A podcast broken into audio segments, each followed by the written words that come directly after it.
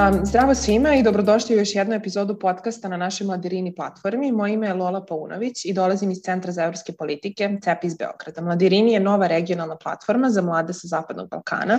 Ova platforma daje prostor mladima da se izraze o važnim temama, od pitanja zaštite životne sredine, slobode na internetu do pitanja demokratije i vladavini prava. Možete nas posetiti na www.mladirini.org i pronaći blogove, podcaste i infografike, glasati, gledati snimke sa naših događaja. Platforma je nas, dostupna na svim jezicima područja sa Zapadnog Balkana kao i na engleskom jeziku. Danas imam veliku čast i zadovoljstvo da ugostim dvojicu novinara sa kojim, koji sa svojim kreativnim reportažama ukazuju na mnoge društvene probleme i kako se ljudi bore protiv njih. Bolje poznati kao Marka Žvaka, današnji gosti su nam Dušan Čavić i Dušan Šapanj. Dobrodošli. Bolje vas našli. Za početak, hvala vam puno što ste se odazvali našim pozivu. Znamo da imate vrlo napakovan raspored snimanja i reportaža, stoga hajde da krenemo na današnji razgovor. Zanima me ko su Marka Žvaka bili kao mladi, šta su radili, čime su se bavili i kako su postali nepobedivi tandem novinarstva. U, hvala na ovim ovaj, lepim rečima. Sad ne znam odakle da krenemo, od kog godišta otprilike, da li od puberteta ili, ili nakon srednje škole ali evo recimo, ajde da kažem da smo Čavić i ja prvi put se susreli u akademskom pozorištu Branko Krsmanović, još kao srednjoškolci i to je bilo nekih 90-ih, ono, druga, treća, četvrta prošlog veka. Ovaj, I tada smo u stvari u tom pozorištu nekako pronašli ekipu koja nam je bila super da one najgore godine ra, ono, ratovi, hiperinflacije, sankcije, nema putovanja, nekako smo proveli u pozorištu i to je bio neki ono eskapizam e, da, da ne prosto do svakodnevice koja je bila grozomorna i tako smo krenuli. Posle toga smo otišli na radio B92 na audiciju za uh, emisiju koja se zvala Ritam srca, gde je naš prvi urednik bio Nenad Johnny Racković, možda poznat i mlađim generacijama kao legenda beogradska i beogradski umetnik, slikar, pisac i svašta nešto.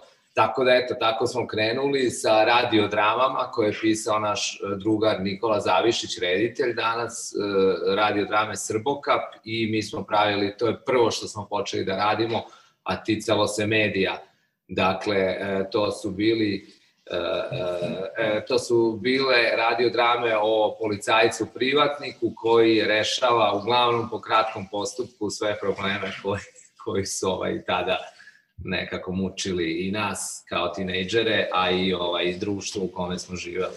To je bilo 1994. godine, kad smo mi krenuli da radimo na radiju, a upoznali smo se godinu dana ranije u Krasmancu, A bili smo to srednjoškolci, ono, a što kaže Dušan, eskapizam uh, i nekako smo pobegli od svih tih strahota, uh, raspada zemlje, ratova, hiperinflacije, ludila, tako da smo i dan danas svi mi ostali povezani, ta ekipa ovaj, koja se tada, mi smo se tu i upoznali praktično, tako da recimo svake godine odemo na po par dana svi zajedno, nas dvadesetak sa čoporom dece, odemo negde ovaj, u Srbiju, pa, u prirodu. U prirodu, tako da to je, verujem da se svima dešava da ta prijateljstva, drugarstva iz detinstva, da kažeš, ili iz neke srednje osnovne škole, šta god, ostanu i kao najjača. Da, pogotovo, mislim, to je već bila neka grupa, ono, srodnih duša ovaj, koje, koje je interesovalo i pozorište i umetnost i eto, ostali smo i do dan danas u kontaktu.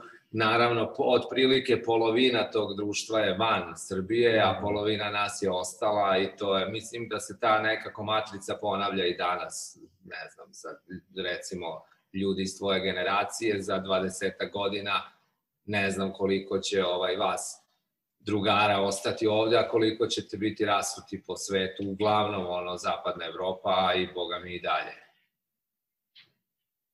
Znači i tad se primećivao i sada vi vidite trend odlaska ljudi, mladih i Ali da li da. se, na primjer, sad skupite, ono, kad se svi skupljate na tim vašim godišnjim sastancima, da li i oni nekad dođu? Da, da, oni dole, dolaze svi ovde da vide i svoje i stalo im je da ostanu Mislim, u kontaktu da. s ljudima koji su blizni, da im deca pokupe nešto i od ovoga što, je, što postoji ovde, jeli svi znamo da kukaju ljudi kako napolju ono, Nema druženja. Nema druženja nema... ili se zakazuje, ne znam ja šta, koliko unapred. Mislim, i mi zakazujemo to da. grupno letovanje u Srbiji, negde odemo u neko selo ili na neku planinu, u neki smeštaj koji može da primi toliko ljudi, zakazujemo par meseci unapred, ali tako je jedino moguće, a kako da ne, sada vidimo takođe taj trend. Svi oni koji se fakultetski obrazuju, mislim ne svi, ali mahom svi razmišljaju ako ne o već fakultetu napolju, onda o nekom masteru napolju i mislim to je ono o čemu se i priča u ovoj zemlji. Mislim, ne da se priča, nego to je to, ono, svi koji mogu idu odavde, što bi živo u ovakvom društvu, gde vidimo ono kako stoje stvari kao zlatno je doba, mislim ljudima daš 3000 dinara i sve bi uradili za to. Mislim, tužno, ali o, teško i loše se živi. Ali mi smo ipak o, izabrali da ostanemo ovaj, I da kopamo. I da kopamo, da majnujemo. Ovaj, e, ali recimo ja sam posle srednje škole, sećam se, ovaj, predavao u nekoliko ambasada i želim da odlazim ovo, ono, međutim nisu me prihvatili, valjda sam bio premlad i kao šta će nam ovaj, ono, imao sam tek 18 godina.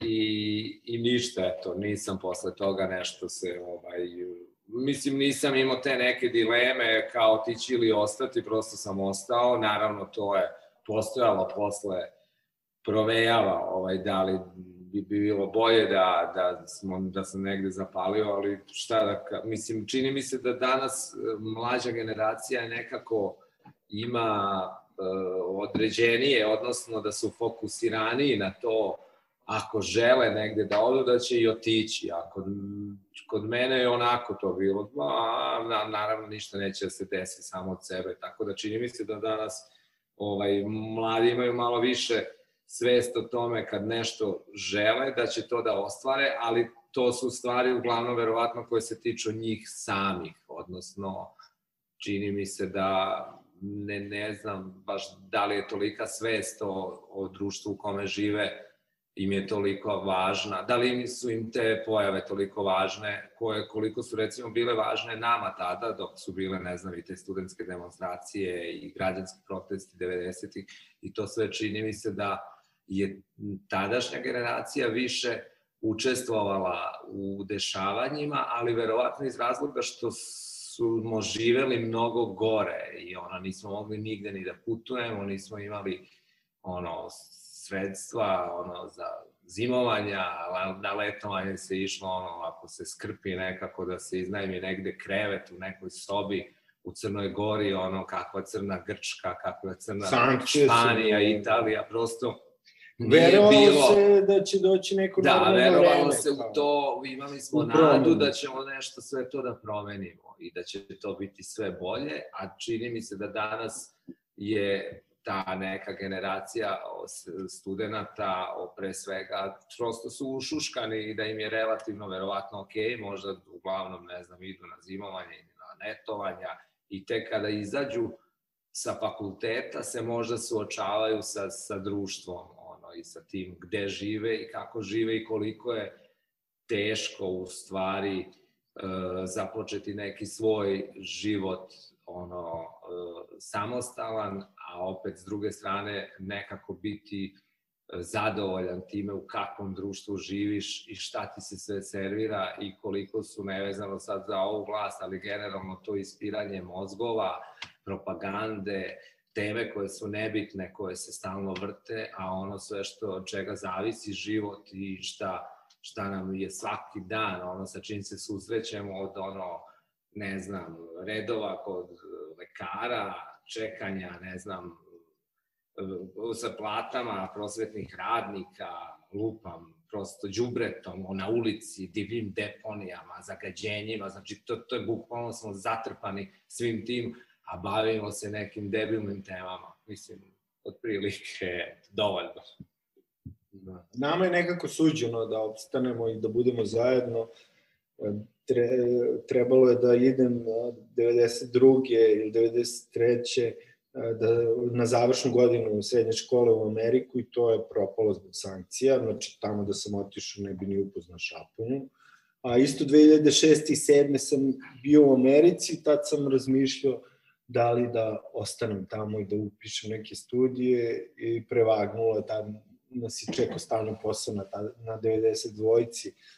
Imao sam u tom trenutku stan, ovaj, moja majka u nekom trenutku, pošto moj brat još davno otišao iz zemlje, 90. kad je krenulo ludilo, on je zapalio.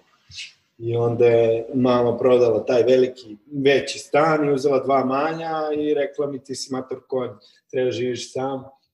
Tako da sam imao svoj stan i, ovaj, i onda je pragnuo da se vratim, ali nije mi žao. Mislim, nekako sve ovo što radimo, imamo tu sreću da biramo. Mislim da, da nam niko ne određuje, što je, mislim, super stvar, čime god da se bavite, šta ćete da radite, nego da imate tu priliku da sami idete i birate put, a i nekako pokušavamo ovim što radimo da ukažemo na raznorazne probleme kojih je, nažalost, da. dosta u ovom društvu, pa eto, makar se trudimo da pripomognemo da ovo društvo bude malo bolje i da ljudi budu malo osvešćeni i da hvataju širu sliku, a da ne padaju na tu demagogiju i te mantre koje duša spomenu.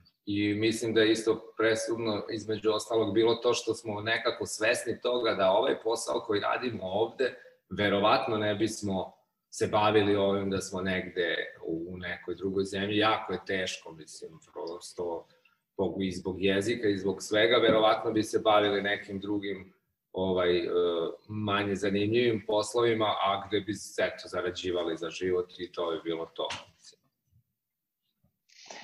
Apsolutno sam htela da vas sad pitam o, više o načinu na koji vi pravite reportaže i baš mi se sviđa ovaj uvod što ste rekli da imate svoju slobodu da birate šta ćete raditi. Tako da negde sam pročitala da ste rekli da se bavite gonzo novinarstvom. Vi ste ono, pioniri ovakvog tipa novinarstva kod nas. A, možete nam kažete kako ste došli na odluku da ovako pravite priče i kako u stvari birate ljude koji ćete, o kojima ćete pričati, od pipača do trovača, do silnih jada koje ste posetili, penzionera u redovima, pijacama, kako, kako se biraju ti obični ljudi i kako ste odlučili da, da pravite takve reportaže? Nas zanima, nas zanima margina i taj stvarni život, ono, a ne, ne znam, neke te mantre, priče, šta ti ga ja znam, a dosta je tu uticala Bojana Lekić i Miško Bilbija, koji su vodili video produkciju, u stvari tad je nastala 92. po padu Slobodana Miloševića. Nastala je televizija B92 i onda su nas oni zvali, pošto smo mi tada imali neku emisiju na radiju koja je bila kontakt program, onda su nas zvali da mi radimo nešto tome slično ovaj, na televiziji. Tako smo mi, to su stvari prvi naši koraci na televiziji i onda smo mi a, zvali našeg drugara koji je reditelj i s kojim smo isto krenuli u tog Srbokapa koje je Šapke spominjao. Isto iz Krsmanca, iz Potrovića. Ivana Petrovića i onda smo nas trojice u stvari te ciklotrone radili i kao išli smo od toga da je kao da radimo nešto što bismo mi gledali. Ono, kao, imali smo potpunu slobodu da biramo šta ćemo da radimo i onda kad seća se kad smo te prve emisije radili, onda nas je vraćala Bojana vraćalo, ma dajte, nemojte kao vidite stand-upove, to je ono kad stanete pa pričate u kameru, nemojte to straight da radite, ajde, dajte nešto, okrećite se da visite, nešto. Ona nas je u stvari gurala, vi ste opaljeni i treba da budete takvi, ajde kao to malo druga vizura, tako da i rekla nam je neke praktične stvari iz zanata, gde treba da gledaš kada pričaš u kameru, kako će publika imati doživlje kao da se obraćaš lično. Mislim, insistirala i ona i to nam je u duhu da to bude neposredno onako. I tako smo zakotrljali. Da, nikad nismo mi doneli nikakvu odluku, e, mi ćemo sad da radimo po principu, ne znam, gonza novinarstva ili ono, prosto to nikad nismo, prvi put smo ih to, za to čuli nedavno, pre, relativno nedavno, ali ovaj, u, u principu smo nekako shvatili da opet taj neposredan pristup kroz neki ono razgovor i normalan pristup sagovorniku kao da nema kamere, da je to ono što mi volimo i da se često, ne mogu da kažem da se mi stavljamo uloge ljudi koje snimamo, ali pokušavamo nekako da što prirodnije prenesemo te situacije u kojima se oni nalaze, naravno i mi, ali na, bilo je tu raznih tema kad smo shvatili da, shvatili da i mi moramo da budemo konkretno protagonisti, ne znam, kao u pipačima, kad smo mi morali da budemo ti koji će tu te ljude koji pipaju hleb da vidimo što u čemu je da problem. Da zašto da, onda ne znam kada smo se spuštali topčiderkom koja je ono bila izuzetno zagađena i tada i sada shvatili smo mi moramo da se spuštamo topčiderkom, prosto gumenim čamcem, ne možemo da, da kao pričamo o tome, a da nismo osetili to i nekako smo eto, kad možemo da budemo protagonisti, onda smo tu ispred kamere, a kad vidimo da za to nema potrebe, uglavnom smo iza kamere postavljamo pitanja sagovornicima i trudimo se da prenesemo njihove te utiske i, i, i ove razmišljanja što neposrednije, bez ulepšavanja. Ono, i, eto. To je otprilike cinema verite, da smo mi akteri na neki način, sad to nije, što kaže Dušan, iznuđeno, nego kao kad ti situacija nalaži, kad je ono kao neophodno, onda smo mi tu u, u kanalu, što se kaže, A, I eto, to je to. Tako smo, ni, da, to je poenta, nismo mi razmišljali i odlučili, e, mi ćemo to tako i tako, to će biti cinema verite, bla, bla, bla, nego se to, jednostavno, to je malo i do senzibiliteta i našeg i onoga što da, i želimo nekako... i kako vidimo ono, da bi to trebalo da izgleda. Da, doživljavamo da to nekako što manje stageujemo te situacije kad se snima, nego da bude kao da nema kamere, kao da nema ovaj... Recimo, kad smo bili u Helsinkiju, to je druga sezona ciklotrona, ima toga na YouTube-u, zove se emisija Opstanak, ne, preživljavanje. Tad smo odlučili kao daj da odemo u jedan grad u Srbiji i jedan u, u inostranstvu gde nikada nismo bili i da damo sve pare Ivanu koji je režirao i snimao te ciklotrone i da vidimo da preživljavamo, nekako da zarađujemo pare i onda smo stvarno spavali u Helsinki u nekom skate parku, sakupljali te flaše, vraćali ih, od njih se hranili. Tako da, mislim, to je poenta, što manje stage, pravi život, eto, nekako trudimo se da prenesemo što autentičnije da, realnost koja je svuda oko nas. A kako birate aktere? Da li ljudi pošalju, na primjer, dopis i kažu hej, videli smo nekoga ko bi eventualno bio interesantan za, za snimiti ili sami dođete na neku ideju, kad, na primjer, šetate gradom i vidite nekoga. Kako, kakav je proces, kreativni proces kroz koji prolazite? Pa u eri sada društvenih mreža na dosta pišu ljudi na se obraćaju s različitim idejama i, i ovaj, već koji nas prate, u smislu prate naš rad, pa im je blizak senzibilitet, pa e, ima ova osoba, ima ovo ono, tako da sada non stop dobijamo te razne hintove za različite stvari, baš smo pričali kako bi bilo dobro da tokom leta, pošto kao to imamo dosta posla, ne znamo gde uradi, udaramo, da na par dana odemo po Srbiji malo i da posnimamo te razne neke stvari koje su nam ljudi slali, koje su fenomenalne, a nikako da stignemo da odemo u Prokuplje, u neko selo, Đerekare, kod Koponika, na Pešteri, šta ti ga ja znam, gde ima tih sjajnih stvari a svakako smo ranije mnogo više mi brainstormovali da. i kao polazili od toga šta nam smeta, šta nas nervira, šta nam je super za snimanje, ajde napravimo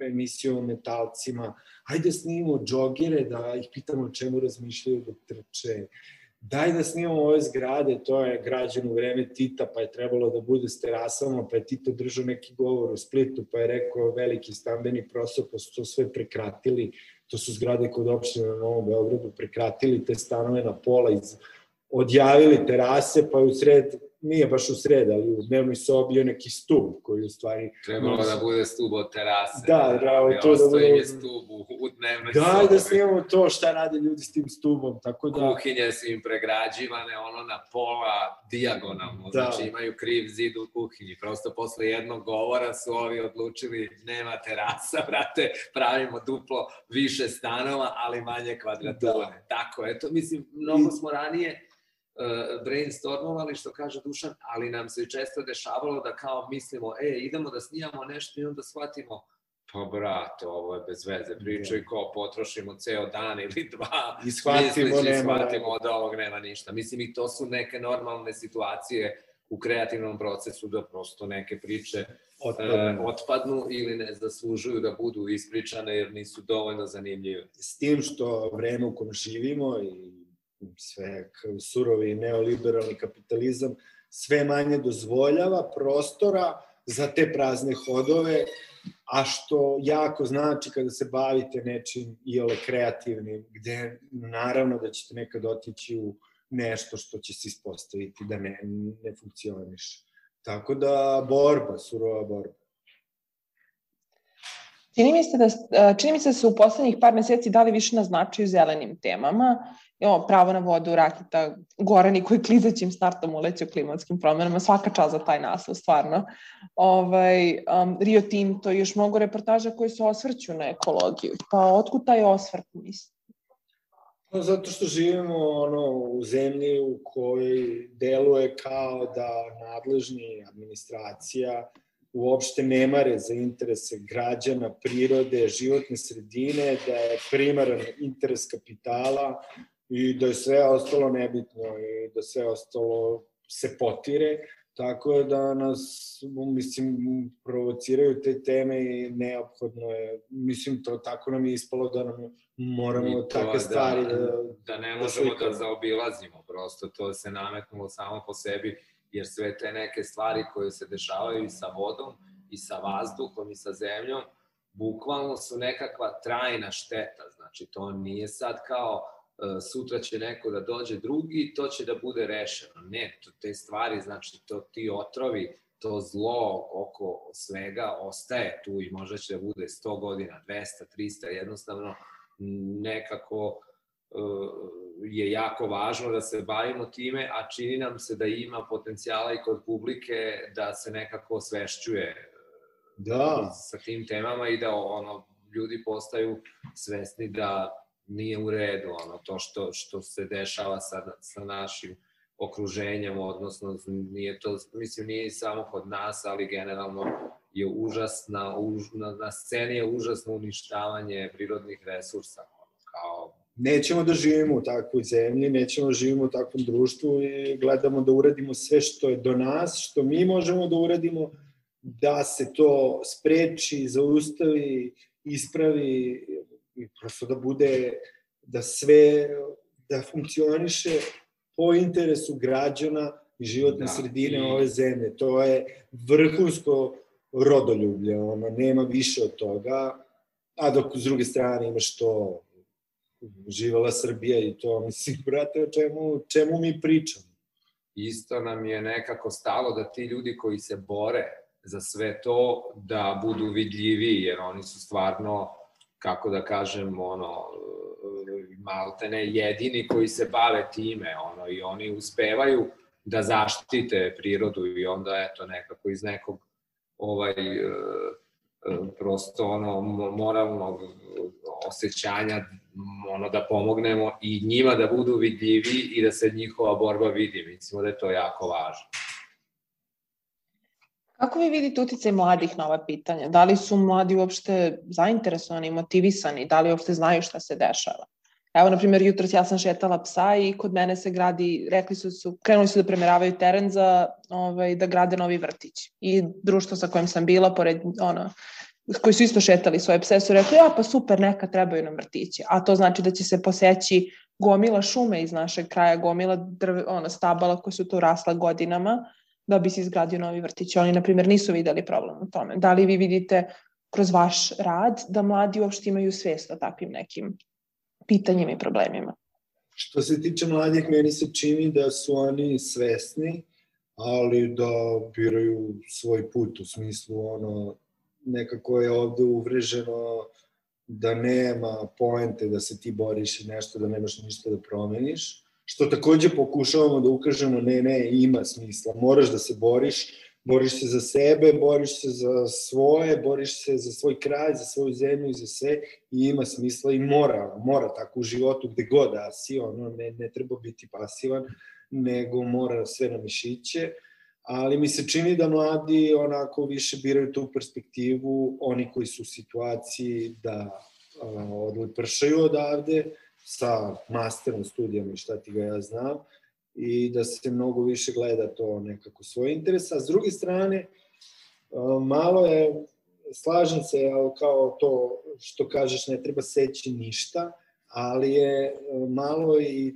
to sve što se dešava u zemlji dovelo do toga ti nekad fakat zbog nečega moraš neki deo prirode da devastiraš I kao ako se digne mnogo više tih stabala i svega i žbunja, meni je to okej, okay, nemoguće drugačije, prosto pogotovo u vremenu u kom živimo. Ali s druge strane, evo recimo ja isto živim u, na Novom Beogradu u bloku 70, to je sad problem u gradovima i u Beogradu, mnogo se gradi, grad daje investitorima parcele bez da ih obaveže da dignu tu i neku javnu ustanovu ili da ostave deo parcele za javnu ustanovu ili znači za školu, vrtić, e, dom zdravlja.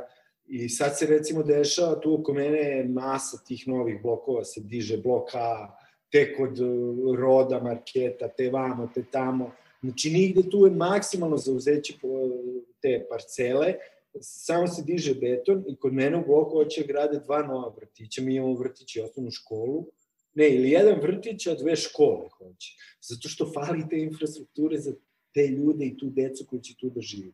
Mislim, meni to nije u redu. Mislim, zato što je moj blog dignut u doba kapital, o, socijalizma, sa ono, 80-ih, 70-ih godina, sa velikim zelenim javnim površinama, danas toga nema.